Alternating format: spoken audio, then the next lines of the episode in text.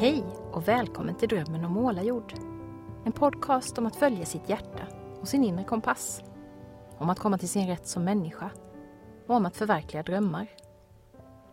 Jag heter Maria Estling Wannestål och i podden möter jag personer som brinner för olika saker. Som vågar lyssna inåt och känna efter vad som är viktigt för dem. Som går sin egen väg genom livet. Jag inspireras av deras berättelser och tankar och det hoppas jag att du också ska göra. Idag ska du få möta Johan Granbom som jag träffade i Göteborg i slutet av april. Johan lever ett liv där mycket handlar om närvaro, natur och kreativitet.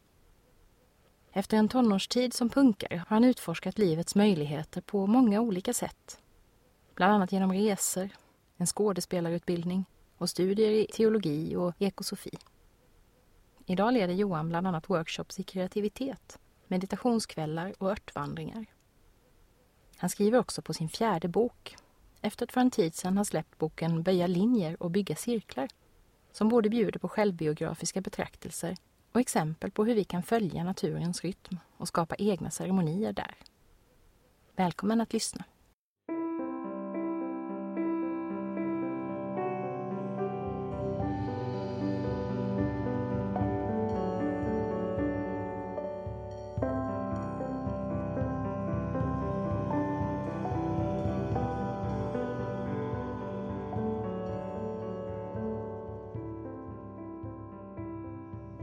Kul att få träffas nu. Det har ju varit lite förhinder på vägen innan det. vi lyckades få våra vägar att mötas. Men nu är vi här i ateljén som du använder ibland för att hålla meditationer, lite sånt.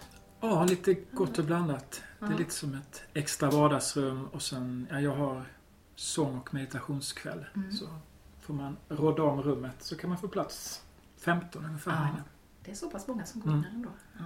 Jag kan tänka mig att det blir en, en häftig laddning i rummet när man gör sådana saker här också. Ja, alltså det är lite kul just att det är ganska långt från ett så här klassiskt yoga och meditationsrum i och Mm. med att det är mer som en lite stökig ateljé. Ja, liksom. Att, men då släcker ner lite mattor på golvet, ljus i mitten och filtar och kuddar och så. Ja.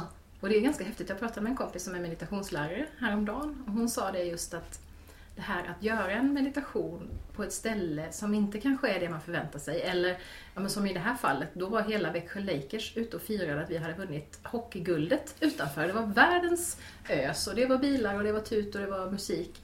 Att sitta där och meditera och liksom bara meditera över det här att ja, här är vi och där är de och det blir ganska spännande att ibland inte ha de där alldeles ultimata förutsättningarna. Vad händer då? Liksom? Det tycker jag är kul. Ha, men då är frågan, vem är du då? Johan Granbom eller Johananda Granbombom som du heter på Facebook? Jag har ändrat tillbaka nu för tänkte nu ska jag ha eh, de här örtvandringarna, eh, min örtvandringssäsong drog igång och då tänkte jag nu när man är mer ute bland fler folk som jag inte känner. Nej. Det är lite ett skämt från när jag var i Indien 2001 så tyckte jag det var lite roligt för bom är ju någon slags kraftuttryck Ah. på sanskrit. Och Ananda är så klassiskt ord, det. lycksalighet och Johannanda. Ja, så det blev som ett skämt där. Ja. Och så Granbombom, så Ja. nästan mitt efter. Ja, det var ett jättehäftigt namn tycker jag. Ja, men vem är du då? Jag läser ju om dig lite grann och ser att du har en massa saker på gång sådär. Men om du beskriver dig själv? Ja, den, den frågan ställer jag mig själv ofta. Ja, Ehm, det är väl ganska bra. Ja. kanske. Jo, precis. Blir aldrig riktigt färdig. Ehm, jag tänker, eller det, det är lättare för mig att utgå från de, alltså mina tre ledord är närvaro, naturkontakt och kreativitet. Mm. Och jag har workshops och eh, kurser i det kan man Mm. säga. Också så eh, skapar jag själv. Ibland har jag lekt med ordet jordpräst. Ja, det läste jag någonstans. Det Ja. tyckte jag var jättespännande. Ja, alltså på det något, ja, eh, jag, jag hade planer på att läsa till präst i Svenska kyrkan en gång till. Ja. Men eh, det passade inte riktigt. Jag ville i så fall göra, ja, men göra ceremonier och göra mötesplatser mer i naturen. Mm. Och eh, jag brinner ju för att eh, ja, men engagera och inspirera till naturkontakt Mm. men också till det här med att skapa cirklar, skapa ritualer. Mm. Så då, ja, men då leker jag lite med det begreppet. Mm. Och inspiratör ett annat ord. Och, och sen då konstnär som Ja. är ju ett lite lurigt ord på svenska men artist på engelska Just det, mycket det är lättare. mycket lättare att förhålla sig till på något sätt. Ja. För det är ju liksom, det är performance, det är musik, det är poesi, det har varit teater. Ehm, ja, liksom väldigt många. ja. både uppträda och att skapa själv och att uppträda tillsammans med andra. Så, ja, så det konstnär är väl ändå rätt bra. Konstnär och eh, inspiratör, kursledare. Ja, just det. Och det är ju dina yttre roller kan man ju säga. Ja. Hur är du på insidan då? Det är klart att det fångar man upp i det här med naturkärlek och närvaro och allt det här. Men finns det andra sidor där hos dig som är typiskt Johan? Ja, men jag tänker de hör lite ihop med de tre. Så är det väl ehm, ja, kreativ, nyfiken och känslig är väl Ja. kanske de som jag skulle säga de tydligaste. Ja, just det. Hur tar det sig uttryck då? Att du är känslig till exempel? Ehm, ja, det är väl att jag trivs väldigt mycket att vara i grupper och göra saker tillsammans. Men jag har också ett väldigt behov av att både vara själv eller att åtminstone vara i... Alltså om jag är i naturen med folk känner jag också att det är lättare. Men den här pendlingen mellan gemenskap och ensamhet tror jag är där. Ja, men det också, jag har funderat också mycket på det att jag upplevde inte mig som speciellt känslig när jag var liten. Nej. Men kanske i samband med gymnasiet sådär, kanske, jag vet inte, puberteten. Mm. Det kan hända väldigt mycket. Ja, precis. Mm. Så att jag har den med. Och det är väl det liksom som ibland ena sidan känslan vara överkänslig och den andra sidan är en förmåga att vara inkännande. Ja, det är ju det. Jag gjorde en intervju med en eh, tjej som har skrivit om högkänslighet bland annat. Och vi pratade just om de här båda sidorna. Att det är så Mm. lätt att se det som att det bara finns negativa sidor. Men det Mm. finns ju väldigt mycket positivt med det också. Just empati och ja, förmågan att känna av kanske ibland för sig själv också vad man behöver som man Ja. kan ha svårare för om man inte har dem. Jo, för det är väl ett annat ord då, integritet. Väl? Liksom att jag, eh, jag har hela tiden en koppling inåt. Mm. Så att jag liksom när jag planerar mitt liv och även i möten liksom att säga, okej men nu går jag undan några minuter eller, ja men nu är det nog dags att gå hem. Mm. Att, eh, ja, men att jag har, den, jag har den dig och- liksom eh, tentaklerna både inåt och Mm, ut, eller mm. så här, eh, känselspröt. Mm. Mm. Och det är väl, väl, det tänker jag är ju en väldig styrka att ha det. Mm. För det är väl där jag tror att många, det går snett för många just att man inte känner efter Mm. i tid. Många. När många blir ju känsliga, eller upptäcker att de är känsliga efter att de har blivit utbrända Mm. Ja, eller ja, så. Att jag har väl jag har alltid valt att lyssna på det Ja. först. Det är väl Det har präglat mitt liv. slippa hamna där för att Mm. komma till den insikten. Ja, det, det låter klokt. Du, du sa att du håller på mycket med örtvandring och så. Hur ser en typisk Johan-dag ut just nu så här våren 2018? Hur tillbringar du den? Ehm, När du inte sitter här med mig och Ja men pratar. precis. Eh, alltså nu är det ju en örtvandring i veckan här under april, eller liksom slutet av april till mitten, slutet av juni kan Ja. man väl säga. Och jag, i juni så har jag Japanarfestivalen. Så att då är det ju lite att jag dagar, alltså jag brukar alltid vara minst någon dag heldag i naturen Ja. i veckan, nästan året om liksom. Mm. Gärna två. Så det är lite så jag kollar av vad som, vilka växter som kommer. Mm. Försöker gå och plocka lite själv. Mm. Annars så, ja, läser lite. Jag, jag jobbar inte annars speciellt mycket så här kneg. Jag har Nej. en helg i månaden som jag jobbar på läger. Men annars Ja. så styr jag ganska mycket mitt liv. Ja. Tränar på morgonen, lite yoga eller dans. Mediterar. Lagar min mat och Mm. läser lite. Och sen är det då liksom, blir det ju en del alltid då inför kursen att hålla sig på Facebook, Mm. svara på Mm. frågor, lägga upp nya inlägg, foton kanske där jag berättar lite om något, peppar liksom Mm. folk till. Och sen eh, kanske två dagar i veckan också som jag brukar ha ett lite mer kanske skrivfokus antingen om Mm. det är på mitt, mitt nya bokprojekt eller just kanske mer fokus på jobba lite med hemsidan eller Mm. mer då göra lite mer kring events till. Ja, just det. Men i det som, på det sättet du lever så har du en ganska bra möjlighet att, att ta tillvara på, eller tillgodose de där behoven av balans mellan just gemenskap, utåtriktad Mm. verksamhet och ta hand om sig själv och jobba mer med insidan och så. Absolut. Jo Mm. men Du det... har skapat det livet som, som du behöver på något sätt. Jo men det får man nog säga. Mm. Alltså speciellt nu också. De, alltså jag flyttade 2012 till Göteborg. Sen var borta ett år där mitt i. Och nu att ha liksom närhet till natur men också ha ett väldigt stort socialt nätverk i Mm, stan. Så att man kan planera upp liksom dagar med gemenskap och dagar att vara själv, Mm. dagar med arbeta, dagar med att vara ledig. Ja. Ja, det låter ultimat tycker jag. Jag tycker jag känner igen mig ganska väl i det där också. Ja. Jag har också jobbat ganska mycket för att komma dit. Liksom att, ja, att kunna styra över det där. Och jag känner igen mig jätteväl i den där med balansen mellan gemenskap och en, en ökad längtan efter att vara själv tycker jag med åren också Mm. på något sätt. Att jag får mer och mer, tycker mer och mer om att vara själv. Antingen hemma eller i naturen eller så. Det, Mm. det är väldigt skönt. Och känna trygghet i det. För så har det inte alltid varit i mitt liv i alla fall, att jag har trivts med den där ensamheten. Jag har nog tyckt att det har varit jobbigt i perioder tidigare men Mm. nu njuter jag av den jättemycket. Mm. Ja, det är härligt. Du, ska vi backa tillbaks lite grann och, och titta på din eh, resa hit till Mm. eh, Göteborg 2018. Hur, eh, hur var det som barn? Alltså hade du det här naturintresset och kreativiteten, fanns det där väldigt tidigt eller hur? Jo, men det ut? måste jag säga. Alltså båda mina föräldrar är biologilärare. Aha. Så att, eh, som jag minns det så var vi ute i naturen de flesta helgerna. Mm.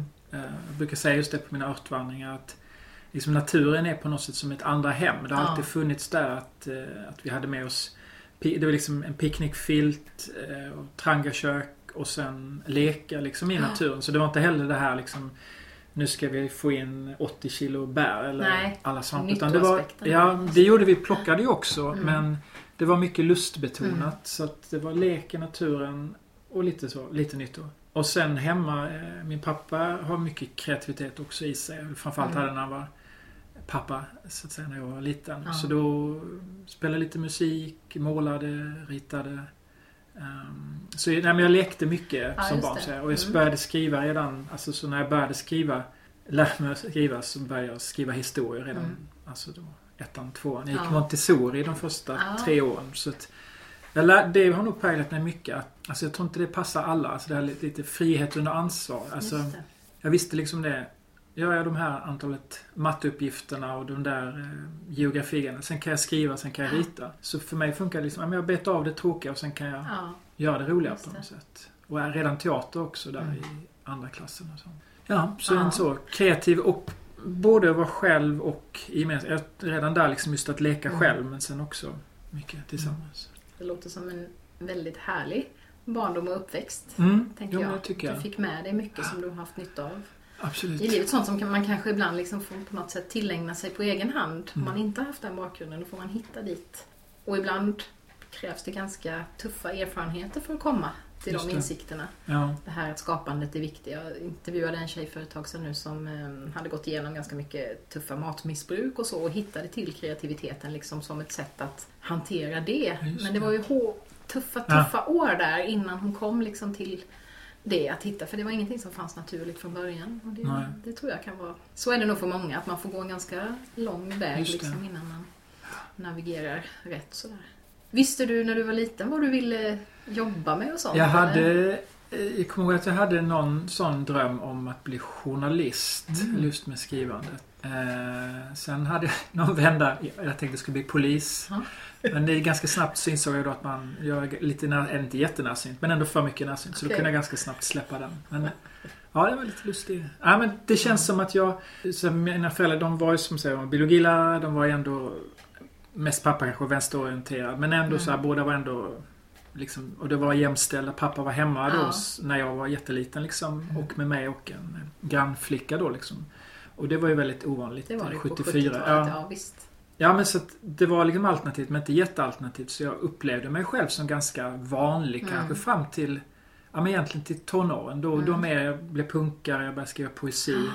Men innan dess så var det, jag spelade mycket rollspel som jag började Ja. då när jag var 10. Eh, Så där kom ju väldigt mycket fantasiutlopp. Att hitta på historier, att rita. Då är man ju liksom skapar man ju fantasivärldar ihop Mm. men kopplat med tärningar och så så att det finns regler kring det. Och Det har liksom präglat mig väldigt mycket Mm. Ja. tror jag. Att, att, och där kan man ju välja antingen man spelare eller spelledare. Och spelledaren är ju lite som en gud eller Just det, författaren. precis. Det. Och jag var ganska ofta spelledare så att jag inser ju Mm. sen att de kurser jag håller nu, det, det började ju redan där. Då liksom ledde jag fem andra jämnåriga i en fantasivärld. Och nu gör jag det istället mer i naturen Ja. eller kanske kring kreativitet. Ja, visst. Ja, men det är häftigt när man får nytta av sådana grejer. Som man, Ja. Det pratade vi om igår när jag var på och intervjuade Anne Claesson just om det här att dra nytta av sina erfarenheter som man har haft och som kan komma till passen i något helt annat sammanhang. Mm. Ja. Och sen sa du att du var inne på att bli präst ett tag, Mm. men du läste teologi Mhm. på högskolenivå. Eh, Fast hade du, hade du släppt tanken på att bli, bli präst då, eller hur? Varför men-? Man börjar då, eh, jag växte upp helt icke-kristet liksom. Mm. Så blev jag eh, kristen som tonåring genom några kompisar. Ja. på en kanotpaddling. Eller blev intresserad där. Och då var jag som mest punkare liksom. Hade väldigt svårt att tänka mig vara med inne på Häng Gud. Liksom. Ja. Eh, plötsligt så hade jag, det var en härlig gemenskap och Mm. det var också några som spelade rollspel som var också punkare. Så det blev att jag var kristen i eh, tio år då. Efter sju år där så var jag i ett kloster i Frankrike, Tessé. Där kom ju 10 000 ungdomar varje vecka dit på Mm. sommaren. Det var en fantastisk plats. Och då, då fick jag den idén, ja men jag kanske skulle bli präst liksom. För att på något sätt då kunde man ju både hålla på med musik och skrivande, teater och sen samt här själavård och väldigt kreativt. Det är ju det, ja. Kanske man inte tänker på alltid, men det är ju ett Nej, det är ju kreativt ett- yrke, ja. verkligen. Och sen mycket det här med ledarskap som tyvärr kanske är lite mer en Mm. bristvara att man Mm. lär sig. Men, men det är ju väldigt ofta spännande människor som är Ja. präster. Så då, började jag, då flyttade jag till Göteborg och började plugga religionsvetenskap. Eh, och samtidigt så hade jag träffat en kvinna på det klostret i Frankrike. Som var mer inne på eh, ja, annan sorts andlighet. Ja. På med healing och mycket dans. Så att eh, hon har präglat mig väldigt mycket och Mm. efter jag då bara hade läst ja, ett, alltså vi behöll lite kontakten. Så när jag hade läst ett år så kom hon och hälsade på. Och då kände jag att nej men jag, jag vill ju hellre ge mig ut och resa med henne än sitta Mm. här på universitetet. Och jag kände också att det började bli för torrt på något sätt. Ja. Så att i samband med det så slutade, så lämnade jag kyrkan. Eller liksom Mm. jag lämnade de tankarna och efter några år även kyrkan. Och så gav jag ut istället för att resa och eh, upptäcka liksom shamanism och Ja. yoga och hela. Och det var också ett sätt att komma tillbaka till kreativiteten. För det var lite som att jag gick några teaterutbildning efter gymnasiet men sen började jag plugga och då på något sätt så försvann lite det Det är ju kreativa. lätt att tappa bort det Ja. där i alla tentor och... Mm. Ja. Så när hon träffade mig och jag berättade att jag håller på med massa teater så trodde hon inte på mig. Det har hänt många gånger liksom när jag bodde på någon kursgård till år senare så, så, så sa sa jag att jag hade en religion, filkand i religion och de va? Nej Ja. men det kan inte stämma. Nej. Och så hade hon tvärt. Ja. Så det har varit lite olika världar. Ja. Och det, där tycker, det är ju ett ämne som jag tycker är väldigt intressant. För jag kommer från en kristen familj men tog avstånd från det totalt. Och så har jag väl hittat någon slags egen andlighet. Och idag så har jag ju någonting som jag känner mig väldigt trygg i men som jag har väldigt svårt att definiera. Jag vill inte sätta in det i någon slags ramar. Men jag möter ju också väldigt mycket skepticism från båda håll egentligen. Mm. Att kristna ser skeptiskt på eh, den typ flummigare andlighet som jag kanske representerar och vice versa. Mm. Att man kan, eh, och jag kan ju tycka att det finns ju så mycket gemensamt i det här också. Mm. Som, eh, som man skulle önska att man kunde mötas. Jag intervjuade en tjej som heter Ann-Sofie här som är präst för ett tag sedan. Mm. Och hon har till exempel gjort saker tillsammans med sin syster som är yogalärare. Och de har ju två helt olika ingångspunkter men de har kunnat, de har mötts i sånt som Ja, de har haft helger om döden till exempel, men från olika perspektiv. Ja. De har yogat och de har pratat om det kristna perspektivet. Och, och det tycker jag är otroligt spännande. Jag tänker att man skulle kunna ha mycket mer utbyte av att Mm. lyssna på varandra. Och jag kan bli så ledsen när jag har såna här, ja men vi hade någon kristen skola som var jätteupprörd för att man skulle ha in yoga på schemat och sånt där. Och det är så sorgligt för att det finns ju någon slags, ja men det är någon slags gemensam grund i alltihop. Det är ju ett kärleksbudskap och det är att ta hand om varandra och gemenskap och allt det här som man skulle önska att man kunde förena istället för att strida om vem som har rätt, Mm. rätt syn eller rätt gud eller vad det nu handlar om. Så. Men det, det är väl så människor har gjort i alla, alla tider. Ja, jo Att man, vill, man vill ha någon slags facit och man vill ha något. Jag Rätt och fel. du har fel. Ja, ja. Ja, men jag tror att förhoppningsvis, alltså, ja, det rör sig både mot mer eh, tolerans och mer icke-tolerans Ja, samtidigt. verkligen. Båda delarna, två spår. Ja. Men ja, jag känner väl också det just, eller för mig, att inte heller definiera för mycket Nej. utan att försöka hålla det mer fokus på närvaro och fokus på kreativitet och så gärna natur också. Och Ja, att visst. då, mm, att kunna förena många för Ja, och naturen i sig är ju väldigt andlig. Det kommer man inte ifrån. Det är ju sån, eh, det finns ju en sån kraft där på något sätt som, eh, ja, som man kan uppleva på många olika sätt. Jag, jag läste ett citat på din hemsida som jag tyckte var så fint. Jag har valt att gå mina egna vägar och har skaffat kunskap utifrån längtan och intresse. Det tyckte jag var väldigt fint och jag, jag tänker, för jag har pratat med många människor som har sagt att jo men jag har gjort så många val när jag har gjort, gått mina utbildningar utifrån vad mina föräldrar tyckte eller vad alla andra gjorde men du har inte liksom du har kunnat följa din egen väg Mm, där ja, det är början. intressant. Ja. Ehm, ja, men jag tänker just... Men jag tror att jag fick en väldigt så här... På något sätt fram tills jag gick ut gymnasiet så tror jag att mina föräldrar gav mycket fria ramar till att Mm. utforska. Lite som det här med Montessori också. Även om ibland kunde säga, alltså så här, eh, Vi tycker inte att du ska göra det men om du vill så är det okej. Mm. Vilket kanske lite kunde skapa en skuld men det var ändå, blev mitt val. Så att jag valde liksom det jag, att åka iväg på något, någon grej som kanske var sent på kvällen. Liksom, men det var viktigt för mig så då Mm. gjorde jag det. Och när jag gick ut gymnasiet då plötsligt så sa min pappa då, jaha, ska du gå teater nu och ha kul medan vi andra ska betala ungefär? Så det blev jag ju lite paff för. Ja. Men eh, så både kanske från lite från föräldrar men övriga samhället. Det har ju varit en brottningskamp Mm. ändå att, att, att liksom ändå välja, försöka, alltså fortsätta lyssna. Ja. För jag valde ju att, jag hade ju någonstans, jag gick samhälle, jag tänkte ju någonstans att det var till exempel är journalist Ja. eller något så här. Jag vet Just inte. Vanligt, Hade det visserligen funnits estetisk, det fanns ju inte ändå. Nej. Så jag hade lite drama, jag hade bild. Men eh, det blev ganska mainstream på något sätt. Mm. Det, samtidigt var det bra för jag fick liksom också med mig en, liksom det intellektuella och det mentala och sen efter det. Så det är väl det jag kanske inte hade fram till 18. Det var inte så mycket det fysiska. Det har ju Mm. kommit då efter att jag träffade den här Sasha, att, Mm. eh, som var kvinnan från Nya Zeeland som Ja. jag träffade i ETC. Så då utforskade jag ju mycket mer dans. Även om det hade Mm. funnits i de här teaterutbildningarna. Ja, just det.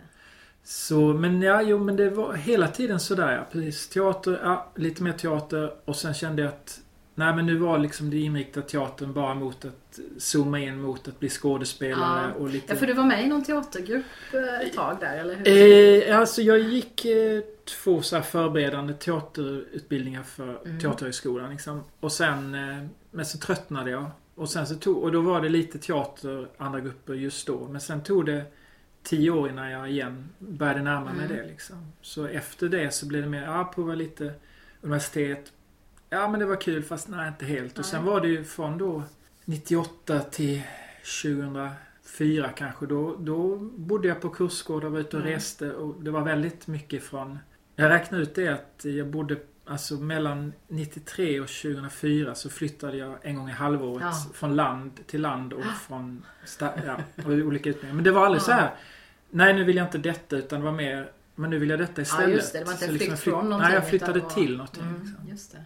Och det är väl den här nyfikenheten som du var inne på i Ja. början där. Att när det kommer någonting spännande, ja men då får man utforska det. Mm.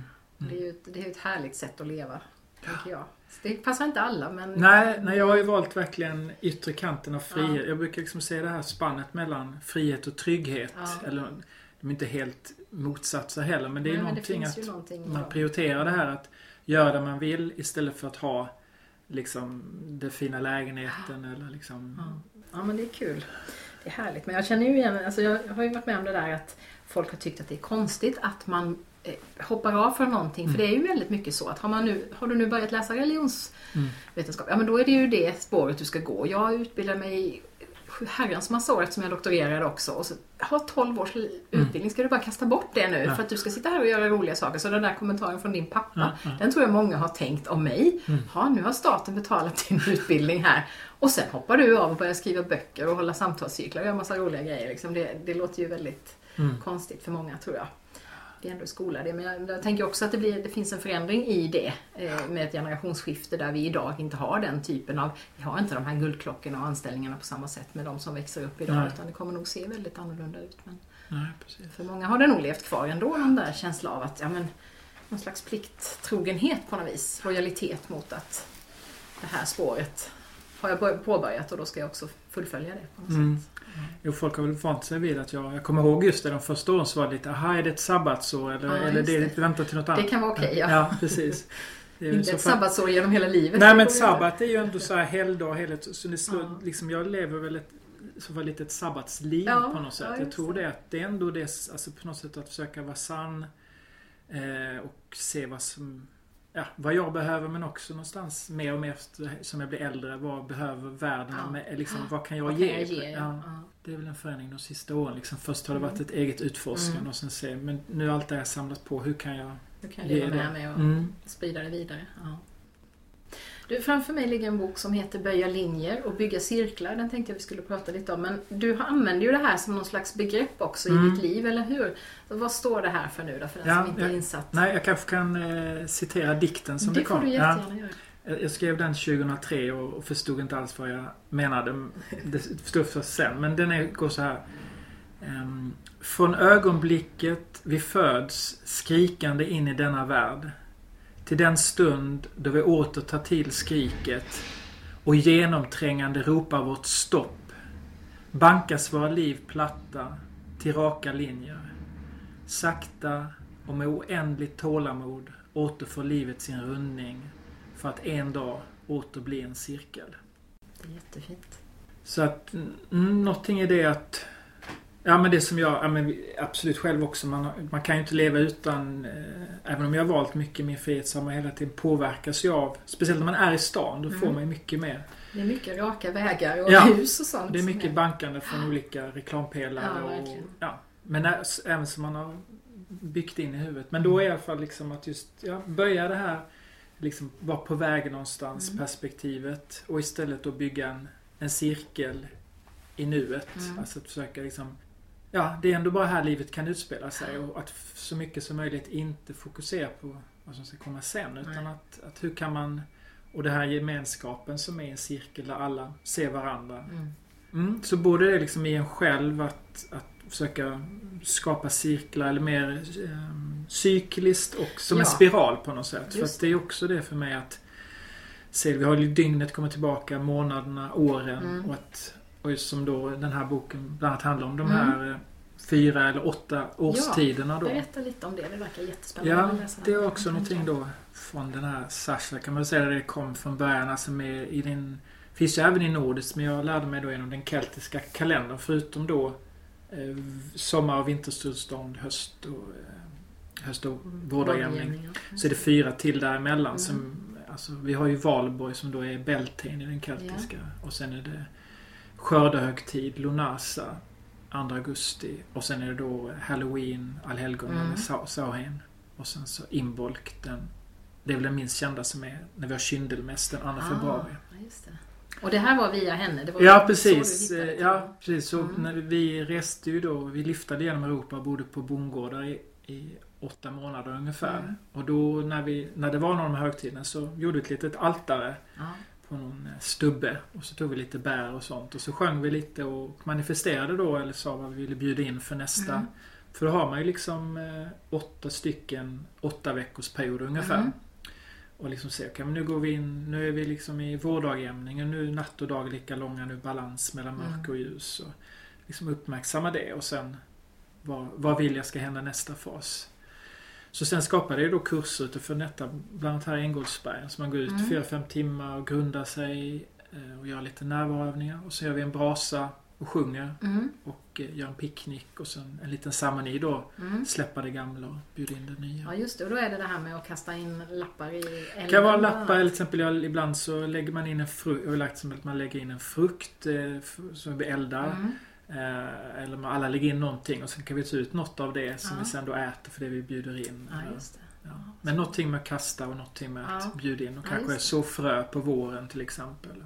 Och så har de ju lite olika, ja men de har olika symboliska teman alla årstider. Så boken är liksom upplagd kring de åtta högtiderna men också Mm. funderingar då kring livets olika stress, död, eh, kärlek, allt. Mm. Liksom. Mm.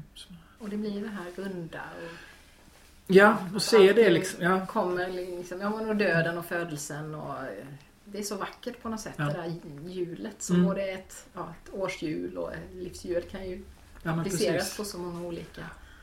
Och då blir det inte heller så... Om man missar något i år så kan man tänka att det kommer en ny kommer ändå tillbaka. Ja, precis. Det är Ja, inte den där linjära där, ja nu är jag där, nu har jag missat det och lämnat det bakom utan här finns det. Ja, och lite att det inte var Tillbaka. på väg någon annanstans så Nej. mycket heller. Utan, samtidigt där har jag genom när jag då flyttade runt, då blev det på ett sätt att man hoppade runt. Men då var ju naturen ett sätt att ha. Men Ja. det var, jag upptäckte då 2004 var första gången som jag bodde på en plats när jag flyttade hemifrån. Där jag upplevde alla årstiderna. Ja, just det. För det är klart, att, det blir ja. olika då beroende på var man är. Ja, och det var ju väldigt häftigt att följa på det. Men det Ja. var ju en väldig skillnad när man, oj okej nu. Ja. Så det var någonstans där jag började liksom lite mer bygga rötter på Ja. något sätt. Och då var jag ändå över 30. Jag har jobbat mycket med cirklar eh, Mm. för att jag har varit på Mundekulla och på Manitonquats eh, läger och varit med och arrangerat dem. Så att jag har ju fått med mig det här cirkeltänket också i samtalet och jobbar jättemycket med samtalscirklar idag. Mm. Min nya bok handlar om det bland annat och sådär. Men har du jobbat med cirklar på det sättet också? Det här att komma samman och samtala eller har det varit Eh, mer av Ja, alltså, sorter? jo men det får alltså i, i eh, Alltså till exempel bara när jag har örtvandringarna så det är Mm. alltid en cirkel i Just början och slutet med en, först en runda bara vad de heter och vad de har för erfarenhet. Men Mm. så att man, så att så fort jag ordnar någonting oavsett vad det är, om det är ett kalas eller om det är en kurs så, så försöker jag alltid ordna cirklar där man ja, har något slags delande. Ja. Eh, Men inte så mycket just bara fokus på det utan då är det Nej, samband det har varit en del av Ja, men precis. En, en väldigt självklar del. Ja. Jag eh, har ju varit med sedan 2000 i, en, i ett nätverk som är liksom alternativfolk som träffas i naturen då på Mm. eh, samma som Magnus har varit med Mm. i. Som heter Ting. Och då är man ju eh, två veckor och tältar tillsammans med folk på någon vacker naturplats i Mm. Norden. Och där är ju hela, liksom verkligen kärnan samtals eller en stark grej. Och Det kan ju vara att man sitter ibland en hel natt. Liksom, Man Mm. börjar vid 11 och sen håller man på till klockan 8 på morgonen.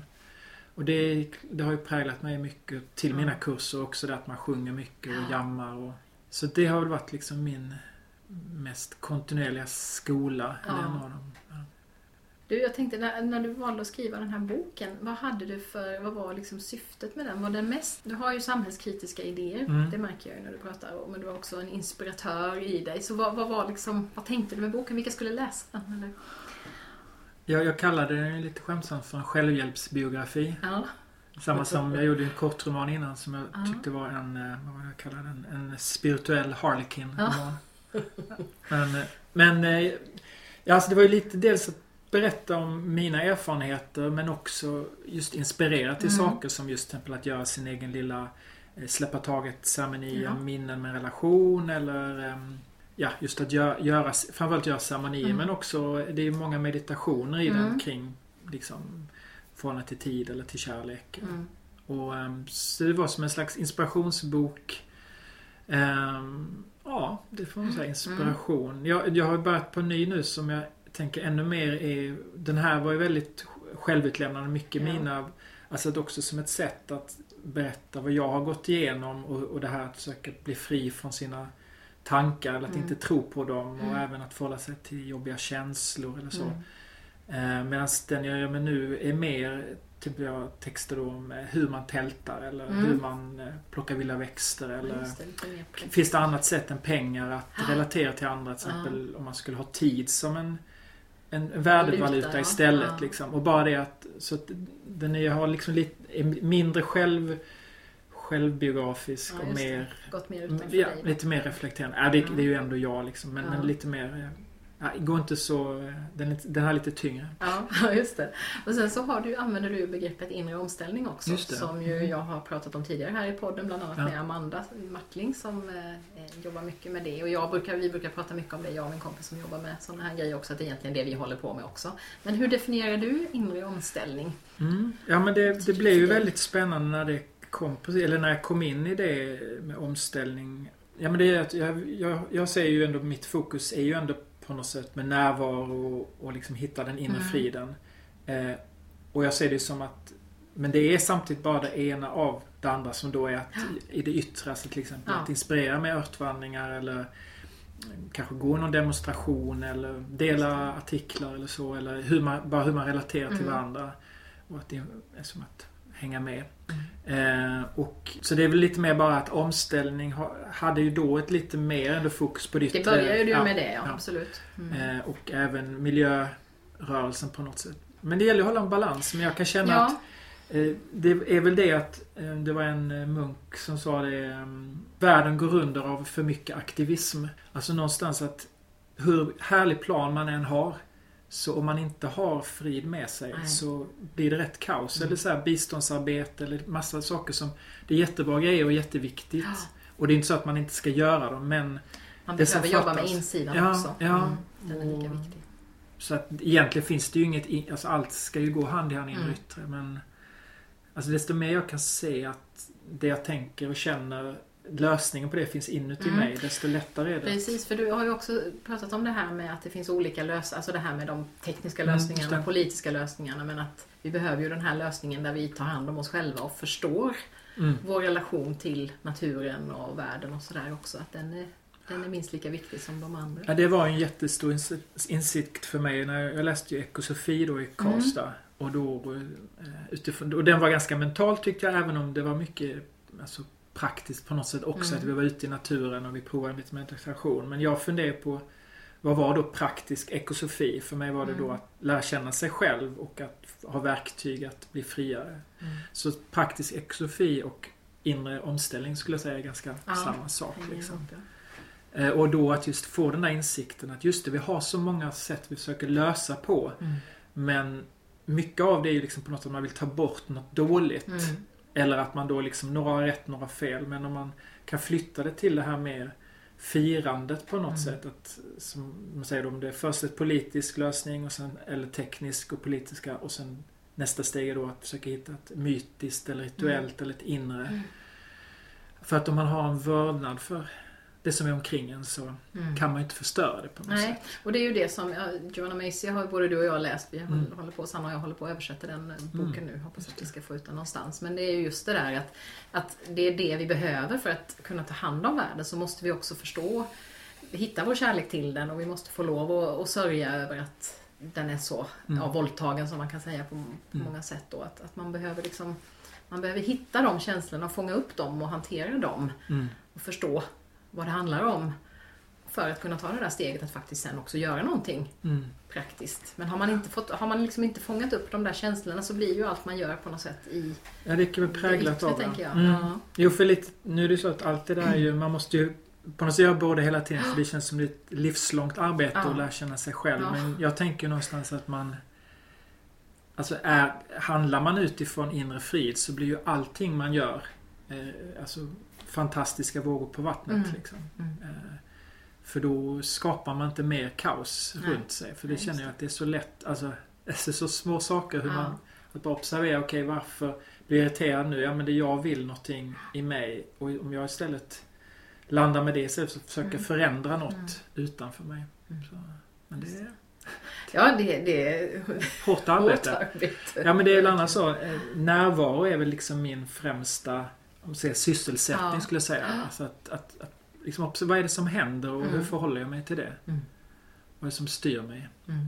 Kan du känna igen dig i det här som eh, Missy och de skriver om också med aktivt hopp? Att just det här att ja, vi måste på något sätt skapa vårt eget hopp. Man kan inte, man kan inte stanna vid att jo- jobba med det som känns hoppfullt utan vi måste våga vilja.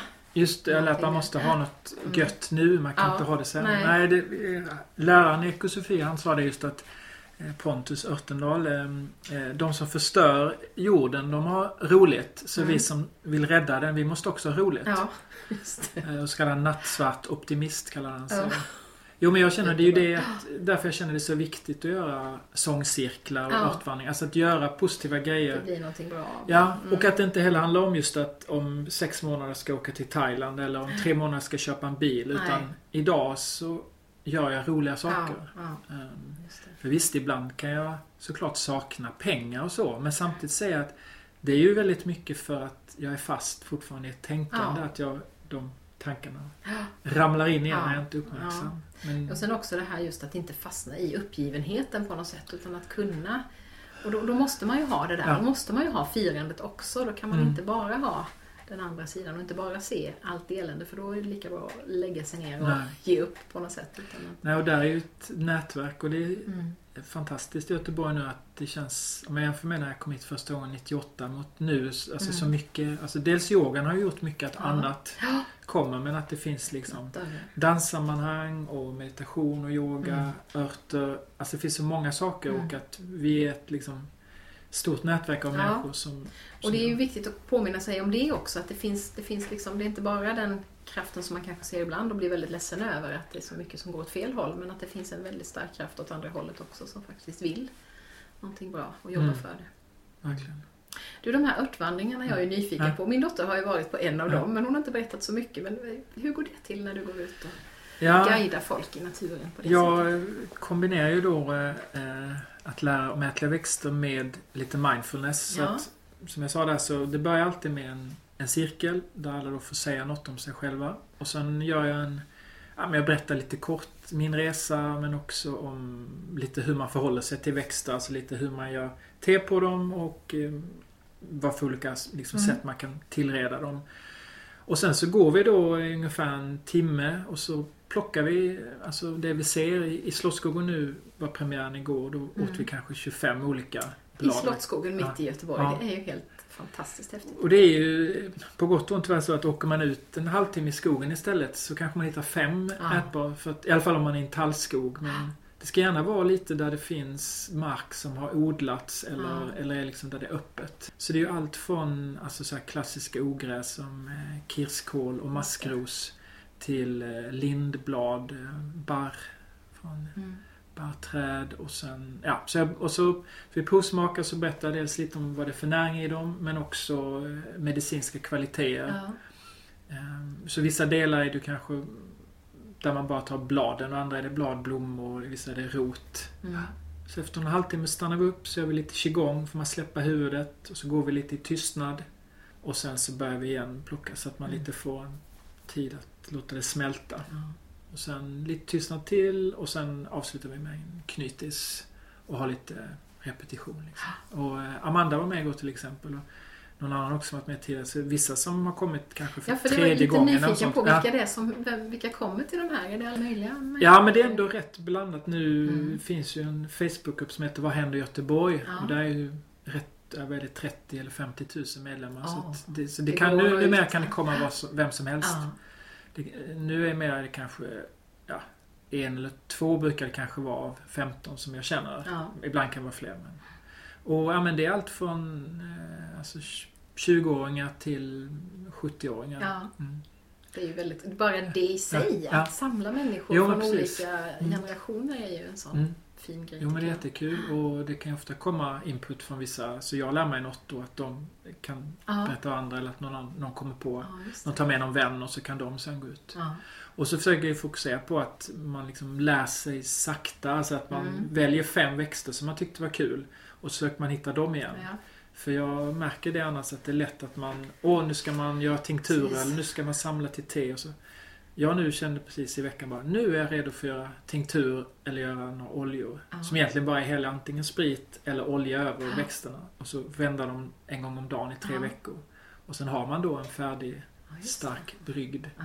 Men att det finns så mycket man kan göra med dem, men det är så lätt att det blir så mycket. Ja, det blir för mycket och så blir det inte av att man gör Nej. någonting istället. Så bättre att fokusera på lite i taget. Men hur, alltså, är det här sånt som du har eh, lärt dig när du har varit ute på dina resor? Eller? Eh, ja, alltså jag, jag lärde så här, kärleken till naturen från föräldrarna. Men Ja. de är ju biologilärare, de Mm. vet ju inte vad man kan äta. Nej, jag tänkte det. Man har inte det Nej, perspektivet de är riktigt. med vad de heter. ja. Men jag, de är ju alltid bra och så jag kan säga är det här den här så kan jag skicka Just en bild det. till dem. Så det inte blir några giftiga... Nej, precis. Nej, jag ändå, Mm. betonar ju på inspiratör. Alltså att jag är ju inte expert. Nej. Men det har blivit rätt mycket nu. Du har inte tagit livet av någon hittills? Nej, och inte mig själv. Alltså jag, jag, jag provsmakar ju själv sånt som jag Ah, inte vet, men inte till precis. deltagarna.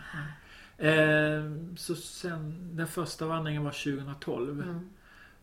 Eh, så, att, så har jag läst ett par böcker. Jag har aldrig liksom riktigt gått någon utbildning, men jag har gått för lite andra vandringar. Min första vandring var väl 99 då när jag reste runt i Europa. Mm. med någon tysk schaman i Ungern Mm. och skrev ner massa grejer. Jag tyckte det verkade väldigt spännande. Men sen tog det ändå 10 år innan jag riktigt började äta liksom.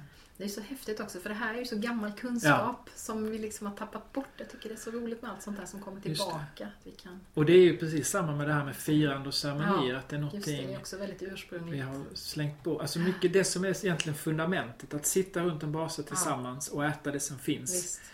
Liksom det är så enkelt Ja. egentligen. Och sen då att man tillsammans kanske jammar eller berättar historier. Mm. Sen behöver man inte mer. Man Nej. behöver inga resor, man behöver inga dyra. Man behöver Nej, tak visst. över huvudet, man behöver vänner, man behöver lite värme. Mm. Då Vi har liksom, skapat en så himla komplicerad, onödigt komplicerad värld. Ja. Ja.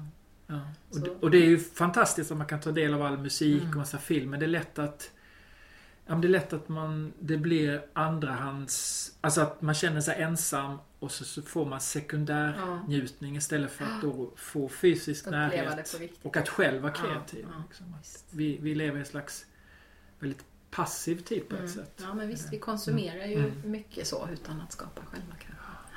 Men du gör också såna här lite mer en-till-en grejer, typ behandlingar och sånt? eller? Ja, lite grann. Det, är som, Mm. det, det går i lite perioder men jag ger lite någon slags, som jag kallar närvarobalansering som Mm. är en ja, slags healingbehandling kan man Mm. säga.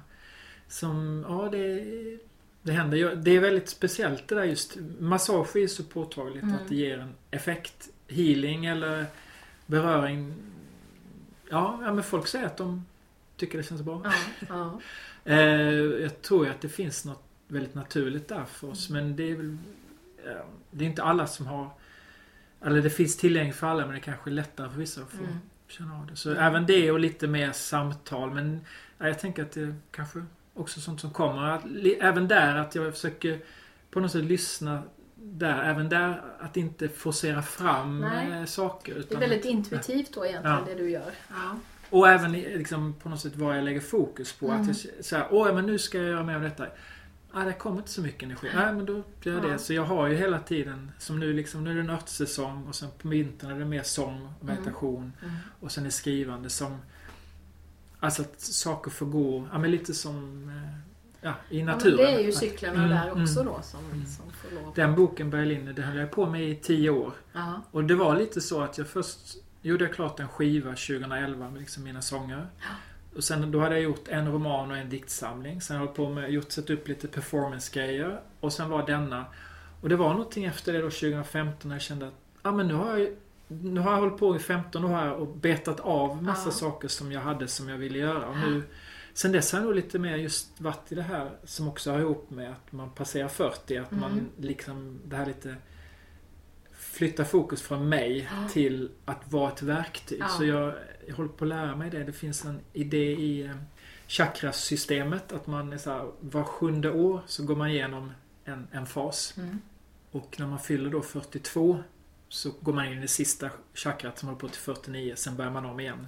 Då börjar jag om i år då för Ja, är 50 år. 50. Då är liksom, vad, vad, vad, vad behöver jag just nu? Ja. En glasspinne eller åka ut i skogen. Alltså att verkligen lyssna. Medan den 42-49 är hur kan jag vara en, eh, hur kan jag finnas till hands för livet? Ja. Så det var väldigt spännande att, att öva det här överlämnandet. Att Mm. inte tänka liksom, vad vill jag? Utan att bara försöka Mm. känna in, vad behövs Mm. just nu? Mm. Och det är ju, ja, dagsform på det. Mm. Men det är väldigt spännande att inte det. ha det här Nej. som det finns mycket i viss del av andlighet. Liksom. Hur, hur kan du visualisera det? Eller Ja. få det här perfekta och Mm. the secret. Och Mm. istället bara på något sätt mer försöka vara Mm. och vänta in vad som händer. Och det där är ju ofta svårt för att vi är så vana vid att liksom vi styr och vi sätter upp mål och vi planerar och utifrån vad vi tycker hur det ska vara. Mm. Så, så det är ju lite det där att överlämna sig då på något sätt. Det det är ju ett nytt sätt att leva och tänka kanske. Ja, och där man inte heller funderar så mycket på liksom, vad ska hända om fem år. Nej. Och, ska, utan Utan det är ju försöka, närvaron här. För man vet ju inte ens Nej. om man lever Nej, då. gud nej. Vad, vad vet man om pensionssystem? Och vad Ja. vet man om något det, liksom? precis, Men kan jag, jag kan välja, ska jag vara närvarande nu eller ja, inte? Ja, visst. Och då är man ju också mycket mer, det pratade vi om igår i samtalet jag spelade in då, det här med att, att liksom Ja, men när det kommer en öppen dörr, att, att gå in i den. Men det kanske man inte gör om man har siktet inställt dit. Det är Nej. dit jag ska. Och då ser man inte den där dörren som öppnar sig. Det tycker jag ju har hänt de senaste åren i mitt liv. Att det öppnar sig en massa dörrar som jag inte alls trodde skulle... Ja men bara det här att jag sitter här och poddintervjuar jättespännande Mm. människor. hade jag inte en tanke på. Och det är väldigt spännande och det missar man ju lätt. Om man har de där väldigt, den där framåtriktade Mm. blicken hela tiden så.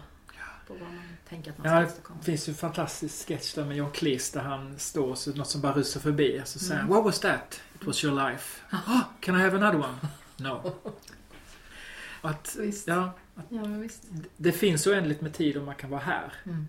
Men det är så lätt att, att ja, det här livspusslet. Ja, Sen, sen är det ju liksom klart när man inte har det här livspusslet. Så det kan ju vara jobbigt att stå utanför Mm, det. mm. Och, så då gäller ju, det är ju verkligen ett arbete att skapa en, Mm. en Ja men det är det också. Det möter jag mycket i mina cirklar för nyblivna pensionärer som har haft ett yrkesliv där det har betytt väldigt mycket. Och sen kommer man i den här fasen där man plötsligt får styra över allting själv. Ja. Och, och det kan bli underbart för vissa. Och för vissa kan det bli helt kaos och man mm. får inte någonting. Det händer ingenting liksom för att man, man har inte lärt sig att hitta mening Nej, precis. på egen hand på något sätt. Man har varit styrd så länge också. Så. Mm. Ja, nej, det, är, det är intressant. Men du, det här, eh, den typen av kreativitet som uttrycker sig i att skriva och hålla på med musik och så. Vad betyder det för dig det här att få uttrycka dig i ord eller i ton? Och...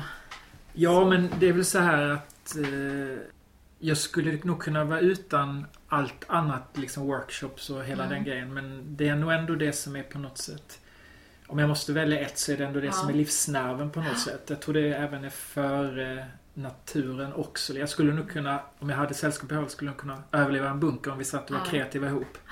Men om jag inte fick vara kreativ i naturen så hade jag nog inte överlevt.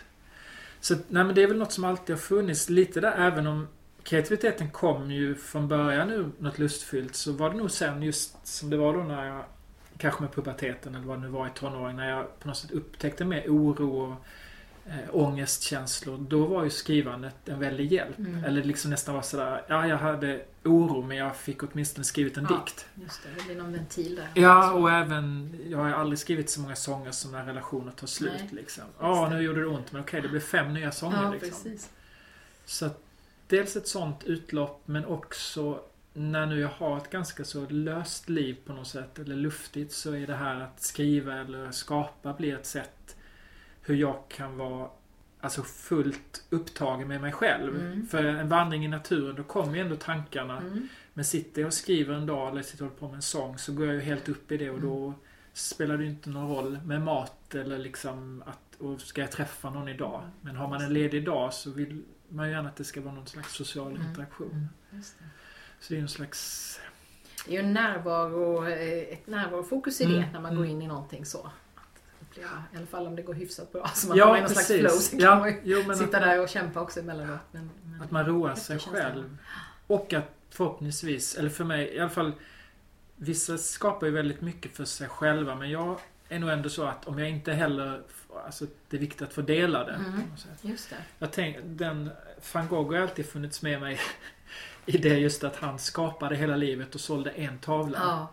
Och det är också en hjälp när man inte blir en eh, etablerad och eh, någon som kan leva på sin Nej, konst. det. att tänka att, att ändå välja och, och liksom just målning också. Ja. Bara stå där och måla. Visst, man går upp i någonting men att, att, ingen, att inte uppleva att få en feedback. Nej, Det är ändå rätt fascinerande att han inte slutar. nej, nej, just det. Jag vet att en annan väldigt känd podd intervjuare, han Mm. brukar ställa den frågan just till eh, konstnärer eller artists av olika slag. Så här, om du hamnade på en öde ö och det inte var en människa som skulle få ta del av din musik Nej. eller din konst eller ditt skrivande, skulle du ändå fortsätta? Och i princip alla säger ju ja, Ja. det skulle jag göra i alla fall. Mm. För visst finns det en, en känsla av att man skriver för någon annan, men just detta att få lov att skapa någonting Ja. är också så väldigt grundläggande tror jag. Det är ju som två jätteviktiga. Och det är väl också lite vad man... Är man kanske en sån här klassisk författare såklart man tänker sig läsare. Men det är en väldig skillnad mot författare eller en dansare Ja. kanske. Eller en musiker. Där det ändå är en så viktig del att möta sin publik. Mm, det. Eh, En författare, eller kanske ännu mer en målare. Den säljer liksom en tavla till en person. Ja. Författaren säljer nog till många kanske Ja. kommer ut. Eh, Så jag känner nog ändå just att för mig är det- liksom både liksom eh, skapandet och mötet med Ja. publik. Ja, men det, liksom. det, är, det, är väldigt, det finns två sidor av det, Ja. verkligen. För jag kan känna mig igen mig så mycket i båda. Å ena sidan att jag skriver, jag måste tänka att jag skriver för att jag vill någonting, inte fundera på hur det kommer det här att mottas. Det har jag funderat mycket på det här att nej, jag skulle inte kunna skriva en viss typ av litteratur bara för att det kanske skulle få mig Ja, att sälja mycket böcker. Det går inte, det perspektivet kan jag inte ha. Jag har också jag har liksom hållit mig borta från skrivkurser och sånt för att jag känner att jag vill inte bli förstyrd i det där att någon annan Ja, tycker det. någonting om hur Mm. det ska vara. Men sen å andra sidan så är ju det allra mest fantastiska, det är ju när man får möta, som du säger, läsare som har läst ens bok och säger att wow, den Ja. här betyder så mycket för mig. Det är ju något alldeles, alldeles fantastiskt. Så att det finns ju en, Ja. det finns en dubbelhet i det. Mm. Och kanske ännu ett steg till exempel som när jag gjorde en performance då i söndag. Jag håller på med en keltisk mytologisk person, The Green Mm. Man.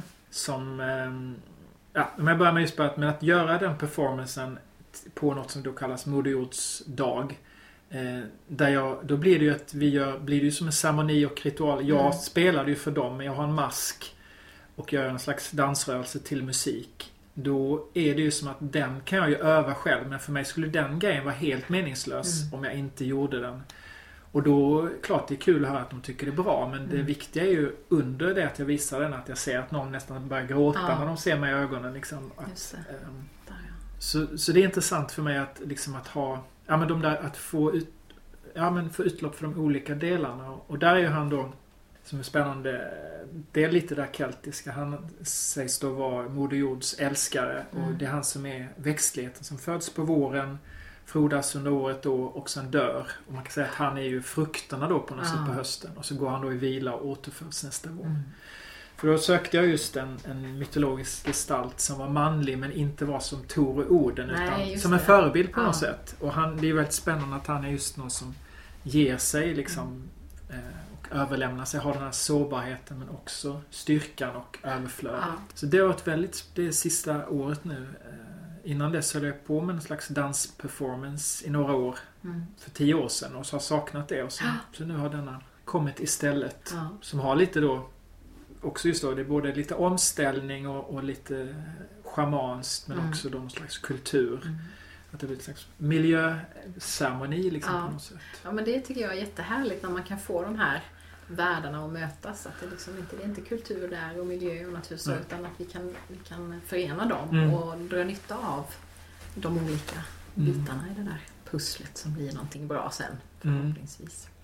Du, jag tänkte att vi skulle avsluta nu men ehm, om någon som lyssnar här nu känner sig ja, men blir inspirerad och känner att jag skulle så gärna vilja, jag har svårt att till exempel komma ut i naturen eller har du något sådär, var kan man börja om man är väldigt långt från det livet som du lever? Om man Ja. har ingen Johan som kommer Nej. och gör örtvandringar i Nej. ens by i Piteå eller vad det nu kan tänkas vara. Man kan alltid då? skicka en hälsning så kan jag komma Man dit. ska du Ja. komma dit? Det. Ja, det första jag tänkte på var väl att försöka hitta någon annan som man kan göra det med. Att man Tillsammans själv, ja, med, precis. just Om, om det känns svårt att komma ut eller svårt att Mm. göra någonting. Eller men det kan vara att gå och titta på en utställning eller bara gå ut och fika. Mm. Men har man inte det heller, ja. Ja, man får ta ett djupt andetag. Mm. Lyssna, ja, men kanske försöka lyssna på vad är det som hindrar en? Liksom. Mm. Är, man, är man för upptagen eller finns det kanske en tanke där? Som någon sa, liksom, ah, men jag vill inte gå ut och fika själv, vad ska folk tro liksom? Jaha, men är det folks, vad de tror eller är det vad jag själv tänker Ja. om det? Det. Så att, ja, det är ju svårt om man ska först sitta och meditera och försöka. Mm. Men jag tror att lösningen på alla de grejerna är ju mycket i att observera Det sina är att tankar. komma in i stillheten, ja. Och att kanske också så här, vi säger någon, ja men jag vill sticka ut i skogen och så upptäcker man det, att man känner sig rädsla. Mm. Att då kunna säga till sig själv, ja ah, okej jag känner mig rädd. ja. Att inte då, det. ja precis och inte, nej nu får jag övervinna det här. Utan Nej, då kanske det. man bara lägger sig på golvet så lång tid det tar och bara, Mm. jag är med den här rädslan tills den Mm. går över. Mm. För, och det kan ju vara också så med skapande eller, ja men jag kan inte göra någonting. Att man, Just det är både att liksom göra sig fri från se att man är inte sina tankar Nej. men också att bli vän. För mig väldigt mycket det fokuset, att bli vän med känslorna. Just det. För annars kommer de upp De man kommer inte- tillbaka. ja. De studsar ju som en pingisboll. Ja, men så är och styr en utan att man Ja, fattar ja. Jag hade en upplevelse också. Jag var och vandrade upp i fjällen för första gången. Eller inte första, men första riktiga sådana fjällvandringen förra hösten. Och, och då, jag har bott i så nära naturen i så många år, men jag har liksom inte varit där. Jag har varit i trädgården och varit vid sjön, men, men då fick jag en insikt som jag tänkte att den, den är ganska viktig. För då upplevde jag att naturen måste inte vara vacker för att jag ska kunna tycka om den. Mm. Det var en spännande insikt. Det var ju jättevackert när man kom upp på de där fjälltopparna och såg ut. Det var alldeles Mm. underbart och fascinerande och storslaget.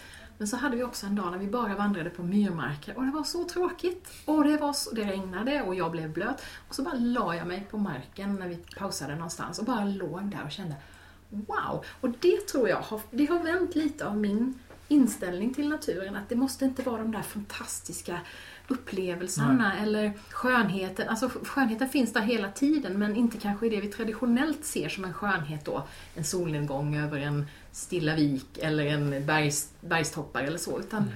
ja, men det här att tycka om naturen ändå på något sätt och upptäcka den, utforska den. Mm. Det tyckte jag var en, en jag har kommit på det liksom. Mm. Ja men det där har Mm. vänt på någonting som jag har varit fast i tror jag tidigare. Så ibland är det nog bara ge sig ut och liksom pröva Mm. lite grann också. Mm. Så. Ja, Jag tyckte det var jättekul att få prata med dig Så, Johan mm. och eh, lycka till nu och som sagt lyssnarna, bjud in Johan om ni vill att han ska komma och göra örtvandringar. Jag hoppas att du kan komma ner till Växjö någon gång och göra. Det skulle vara Ja, jätte, jättekul. Jag tror att det finns Mm. ett gott gäng där som skulle komma på Ja. en sån. Jag skulle absolut göra det. Ja, Så tusen tack för att jag fick komma hit. kul att du kom.